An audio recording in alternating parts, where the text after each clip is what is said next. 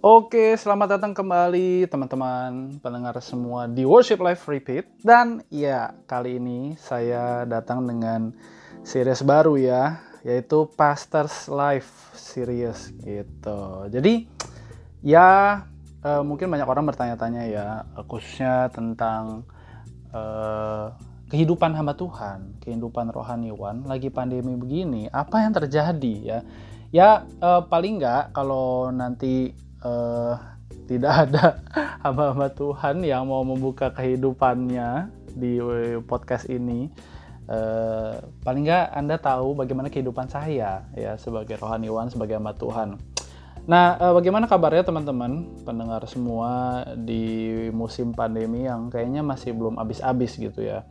Ini tadi baca-baca berita juga dari ya beberapa hari inilah uh, mencoba ikutin berita lagi soal perkembangan seputar pandemi. Uh, positif harian gitu-gitu aja. Ya somehow ini sebenarnya bukan good news ya tapi sesuai prediksi saya sesuai prediksiku nggak nggak getting better gitu. Kurvanya ini uh, stagnan teman-teman ya Terus ya kemarin tuh kan sebenarnya e, beberapa waktu lalu aku sempat mencoba interaksi dengan teman-teman di Instagram ya e, bagaimana sih di musim ini kehidupan kalian gitu ya.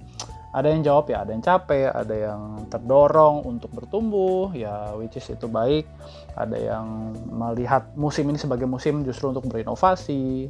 Terus ada yang melihat juga kehidupan ini ya meskipun uh, banyak nggak enaknya uh, yang bikin bisnis pacaklik gitu ya uh, tapi kita tetap dapat survive tetap alive in Christ gitu ya Ciela. Terus ada ada juga yang bilang ya ini musim-musimnya uh, beradaptasi, exploring hal-hal baru, tetap produktif uh, dan lain sebagainya gitu ya.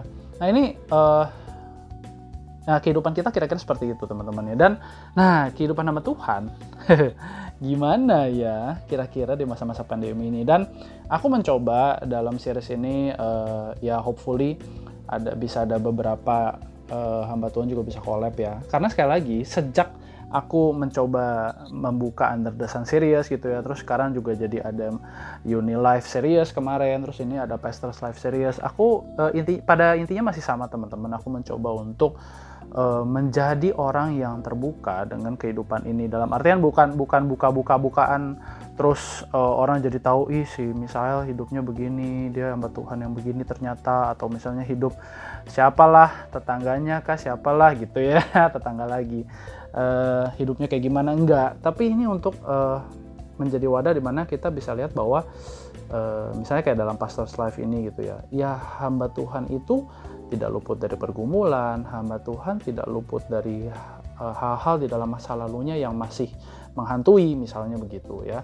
Nah, dalam Pastor's Life Series di episode yang pertama ini, aku mencoba mengangkat sebuah tema ya. Uh, judulnya sih dalam bahasa Inggris keren, cuman ya intinya bagaimana melihat kehidupan hamba Tuhan itu sebagai kehidupan yang vulnerable, kehidupan yang dalam tanda kutip mudah untuk dipenetrasi dan juga berhadapan dengan jemaat domba-domba gereja yang juga rapuh begitu. Nah, uh, sebelum masuk ke uh, tema ini lebih komprehensif, lebih kompleks kira-kira gitu ya. Aku teringat kemarin tuh kan, nih nih nanti jadi ya uh, Pastor Life Series ini mungkin ada intronya tuh ada beberapa kasus-kasus, bukan kasus lah ya, nggak selalu kasus, intinya kejadian-kejadian yang dialami oleh uh, public figure, artis dan lain sebagainya yang bisa jadi pemikiran kita juga gitu ya. Nah, kapan hari teman-teman ada seorang artis uh, wanita ya, uh, dia lagi menanjak karirnya sudah udah sudah oke okay, harusnya karirnya. Ya lagi menanjak lagi main film dan lain sebagainya. Terus ada beredar viral ya video dia dengan seorang pria begitu ya. Uh, terus ya mungkin ya seperti orang tua pada umumnya ya mamanya uh, memberikan pernyataan yang ya memang ada uh, terkesan ya membela. Maksudnya ya uh, intu naluri naluri seorang mama begitu ya menghadapi uh, netizen uh, yang mem, apa tuh menghajar dalam tanda kutip anaknya kasih komen dan lain sebagainya gitu ya. Dan kakaknya juga ada uh, komen begitu bikin statement juga kalau nggak salah tentang adiknya ini begitu. Intinya jangan pakai kasus atau apa pun lah kejadian adikku ini untuk kalian itu membenarkan diri kalian dan lain sebagainya uh, bertindak judgmental kira-kira mungkin begitu yang aku tangkap gitu ya nah bagaimana kalau nah ini pertanyaan mungkin lebih menohok juga khususnya buat uh, teman-teman yang hamba Tuhan atau mahasiswa teologi ya, apalagi yang baru masuk seminari dengan online mode begitu.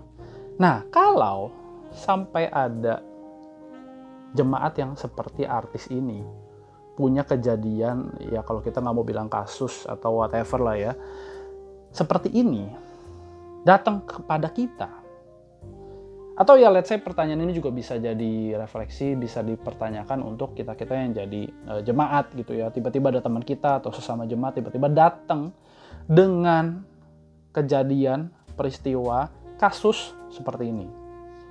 Apa yang menjadi respon kita? Uh, aku ya akan lebih banyak sorot dari sisi hamba Tuhan sih ya, rohaniwan gitu. Apa yang menjadi respon kita sebagai hamba Tuhan? ya teman-teman yang mendengarkan ini teman-teman aktivis kah jemaat majelis kah pemimpin gereja whatever silahkan refleksikan dengan peranan masing-masing di gereja ya anyway kita kan satu tubuh uh, sebagai satu gereja uh, sebagai bagian dari gereja ya nah bagaimana kalau ada orang kayak begini datang kepada kita ya nggak uh, ada angin nggak ada hujan nggak ada apa. Dia confess everything tentang apa yang dia lakukan.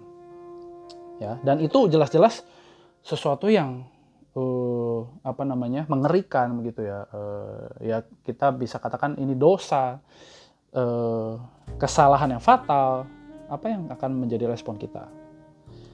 Nah uh, aku nggak tahu ya seberapa banyak hamba Tuhan yang merespon dengan negatif tapi aku rasa mungkin ada dan banyak hamba Tuhan yang uh, meresponi confession seperti ini dengan negatif. Negatif negatif itu maksudnya gini ya. Bisa ada dua hal mungkin atau mungkin bisa lebih tapi aku pikir uh, aku mengajak kita memikirkan setidaknya ada dua hal. Pertama yang pasti uh, hamba Tuhan itu langsung menjadi figur yang judgmental ya seperti netizen lah orang-orang sekarang itu kan netizen maha tahu netizen maha mengomentari maha benar gitu ya. Uh, hamba Tuhan menjadi orang yang seperti itu. Misalnya kita mungkin familiar dengan uh, respon, loh kamu kenapa begitu? Kamu kan apalagi misalnya ya kasusnya terjadi kepada aktivis dia dia aktif sekali melayani uh, sebelum pandemi, pas pandemi juga masih aktif melayani gitu. Terus tiba-tiba dia datang dengan confession seperti itu yang mengagetkan dan hamba Tuhan itu menjadi figur yang judgmental. Kenapa kamu melakukan ini? Uh, kamu kan udah tahu uh, hukumnya bla bla bla bla bla bla misalnya gitu kenapa kamu bisa melakukan ini kamu tuh aktif loh saya nggak nyangka koko nggak nyangka cici nggak nyangka kamu kok begini begini lah oke okay? itu respon negatif pertama ya uh, respon negatif yang kedua bisa jadi ada hamba Tuhan rohaniwan yang mengambil kesempatan. Mengambil kesempatan tuh maksudnya gini oh dia lagi mau ngaku dosa ya. Uh, ya sudah biarkan dia akuin semuanya. Nanti aku akan menjadi dalam tanda kutip pahlawan ya yang akan membereskan semua keresahan, kegalauan hatinya dengan masalah ini. Bahkan kalau perlu, aku yang misalnya nih mungkin ya biasa terjadi di hamba-hamba Tuhan yang masih single, yang belum ya anyway mungkin ya hamba-hamba Tuhan yang eh, menikah berkeluarga pun bisa begini intinya hamba-hamba Tuhan yang mengambil kesempatan dalam kesempitan ya kalau boleh diperpanjang frasanya. Kalau perlu aku akan menjadi pahlawan buat dia ya. Mulai walaupun misalnya confessionnya dilakukan secara online ya mulai dikeluarkan kata-kata yang dalam tanda kutip menghibur begitu ya. Nah ini teman-teman ada dua respon negatif tidaknya yang bisa dikeluarkan oleh seorang hamba Tuhan ya. Dan aku posisi di sini bukan berarti aku itu uh, tidak pernah begini begitu ya. Uh, harus diakui setidaknya aku pernah menjadi orang yang pertama aku pernah menjadi seorang yang judgmental dengan kondisi jemaat yang seperti ini gitu. Nah, ketika kita diperhadapkan dengan orang seperti ini, confession kepada di hadapan kita, khusus kita yang hamba Tuhan dan respon negatif itu seperti kalau Alkitab tulis itu mengintip di depan pintu. Apa yang harus kita lakukan ya? uh, aku teringat dengan apa yang kita tuliskan, kisahkan. Walaupun perikopnya agak agak uh, apa dalam tanda kutip kontroversial gitu ya, katanya manuskrip-manuskrip yang awal tidak menginclude narasi ini, cerita ini gitu ya. Tapi aku teringat dengan apa yang Tuhan Yesus lakukan ketika ada seorang wanita sundal yang uh, mau dirajam batu gitu. Aku tidak akan bahas lah ya perdebatan tentang perikop ini atau gimana, tapi intinya gini, perhatikan apa yang Tuhan Yesus katakan kepada dia wanita ini ketika orang-orang akhirnya intinya kan gak jadi melempari dia dengan batu gitu. Tuhan Yesus bertanya, e, Hai perempuan, di manakah orang-orang yang akan menghukum kamu? Terus perempuannya bilang, gak ada.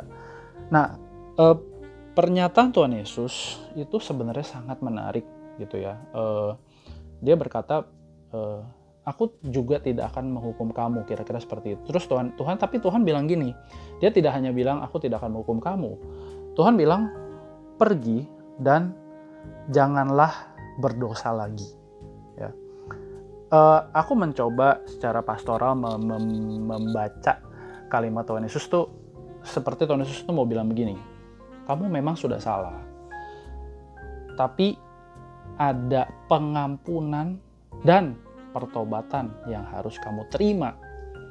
Kamu kan salah, orang berdosa itu layaknya dihukum. Kamu tidak bisa mengelak, tidak bisa berbuat apa-apa lagi. Apalagi kalau dosamu itu ketangkap basah oleh orang lain dan kamu digiring dan akan dihakimi. Nah teman-teman, eh, dari apa yang Tuhan Yesus lakukan, sebenarnya harusnya kita semua baik hamba Tuhan maupun kita-kita yang eh, non hamba Tuhan ya, kita jemaat, kah, aktivis, majelis dan lain sebagainya, kita harusnya dibawa kepada point of view itu bahwa kita sama-sama orang berdosa juga kok. Gitu. Ketika kita mungkin melakukan hal yang sama dengan uh, orang yang confess dosanya di hadapan kita, kita juga mungkin uh, terpojokkan dengan situasi yang sama. Kita tidak bisa berbuat apa-apa, kita cuma bisa ngaku, bahkan mungkin tanpa pengakuan verbal pun orang melihat, wah ini orang lagi ada apa-apa nih, lagi bermasalah besar nih, gitu ya yang kita butuhkan dan yang harus kita terima dengan tangan terbuka adalah pengampunan dan pertobatan. Dan itu pun yang harusnya dilakukan oleh hamba Tuhan. Ya. Jadikan pengampunan yang Tuhan berikan kepada kita itu sebagai dasar dari tindakan kita kepada tindakan pastoral kita kepada jemaat ini, jemaat yang mengaku dosa itu siapa pun dia gitu ya. Dan jangan lupa message pesan Injil itu harus sampai yaitu bahwa kamu harus bertobat dari dosa-dosamu nggak hanya yang kamu confess saat ini tapi juga yang yang lain semuanya gitu. Bergumullah dengan dosamu seperti Daud tuh kan bilang di Mazmur 51 aku senantiasa bergumul di hadapan Tuhan tiap-tiap saat dengan dosaku ini gitu kan. Nah jadikan pengampunan dan pertobatan itu sebagai dasar respon kita sebagai hamba Tuhan atau sebagai siapa pun lagi sekali lagi ya eh, teman-teman semua gitu. Ketika menghadapi uh, orang yang confess dosanya di hadapan kita. Dan uh, mari kita menjadi orang yang aku ingat ya salah seorang hamba Tuhan itu sebelum aku masuk seminari pernah ngomong gini jadilah orang yang keras terhadap disiplin ya terhadap diri sendiri tapi gracious, berbelas kasih, beranugerah kepada orang lain. Ya, aku ingat kalimatnya itu dalam bahasa Inggris ya, be hard on yourself. Ya, disiplin keras sama dirimu sendiri. Tapi be gracious on others. Kamu harus berbelas kasihan, beranugerah dengan limpah seperti Tuhan beranugerah kepada kamu dan kamu harus lakukan itu kepada orang lain apalagi orang yang sedang confess dosanya di hadapan kita gitu. Nah, balik lagi kepada tema yang ada di episode ini gitu. Nah mari lihat diri kita, hamba Tuhan khususnya ya. Kita ini nggak imun dengan hal-hal seperti ini. Dan juga kita juga tidak imun, kita mudah dipenetrasi, kita vulnerable dengan godaan-godaan untuk ya tadi menjadi pahlawan buat jemaat begitu ya dan lain sebagainya. Tapi lihatlah juga berarti kita butuh anugerah Tuhan untuk uh, menggembalakan jemaat-jemaat seperti ini. Ya, tidak ada, aku yakin tidak ada respon atau jawaban instan bagi orang-orang yang datang dengan pergumulan berat dengan dosa eh, pengakuan dosa seperti itu yang langsung di depan kita gitu ya. Ada proses yang harus dihadapi, ada proses pastoral juga yang kita sebagai hamba Tuhan harus lakukan sebagai bagian dari tanggung jawab kita di hadapan Tuhan untuk jemaat yang Tuhan percayakan ini. Dan eh, kita harus jalani itu betul-betul dengan tanggung jawab. Ya. Dan jadikan sekali lagi pengampunan, pertobatan itu dasar dari apa yang akan kita lakukan dan pesan Injil yang harus terus kita sampaikan. Dan proses ini pasti menguras tenaga. Aku mengalami ada beberapa kali melakukan eh, apa namanya tanggung jawab pastoral seperti ini tuh betul-betul menghabiskan eh, tenaga. Bahkan bisa jadi setelah melewati proses beberapa tahap itu jemaatnya nggak merespon lagi ya udah pergi begitu saja gitu ya. Atau misalnya dengan uh, sesama rekan hamba Tuhan kah gitu ya. Kita bisa jadi digantungin dan itu sakit. Lagi-lagi kita adalah orang yang vulnerable kita rapuh kita mudah dipenetrasi oleh apa pun ya. Hamba Tuhan bukan Superman hamba Tuhan juga manusia ya. Nah ingat-ingat uh, semua hal itu dan jadikan apa yang Tuhan Yesus sudah teladankan itulah yang harusnya kita lakukan khususnya kita sebagai hamba Tuhan ya akan banyak apalagi di masa-masa pandemi begini akan banyak orang-orang jemaat yang datang kepada kita uh, dengan berbagai problem kehidupannya dan bisa jadi menghabiskan tenaga kita waktu kita uh, spiritualitas kita ya.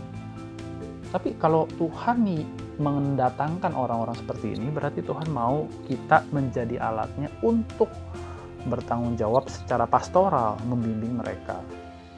Gitu ya.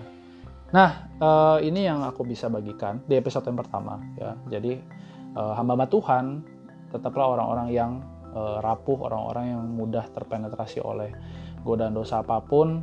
Tapi di saat yang sama uh, hamba Tuhan sebagai pemimpin rohani sebagai pemimpin gereja juga harus menjalankan tanggung jawab yang Tuhan percayakan ketika ada jemaat yang rapuh itu datang kepada kami ya hamba Tuhan. Dan ya aku kira juga kepada uh, semua kita ketika menghadapi orang-orang seperti ini mari jadikan pengampunan pertobatan itu sebagai dasar dari respon yang harusnya kita lakukan dan uh, tindakan pembimbingan pastoral yang harusnya kita lakukan.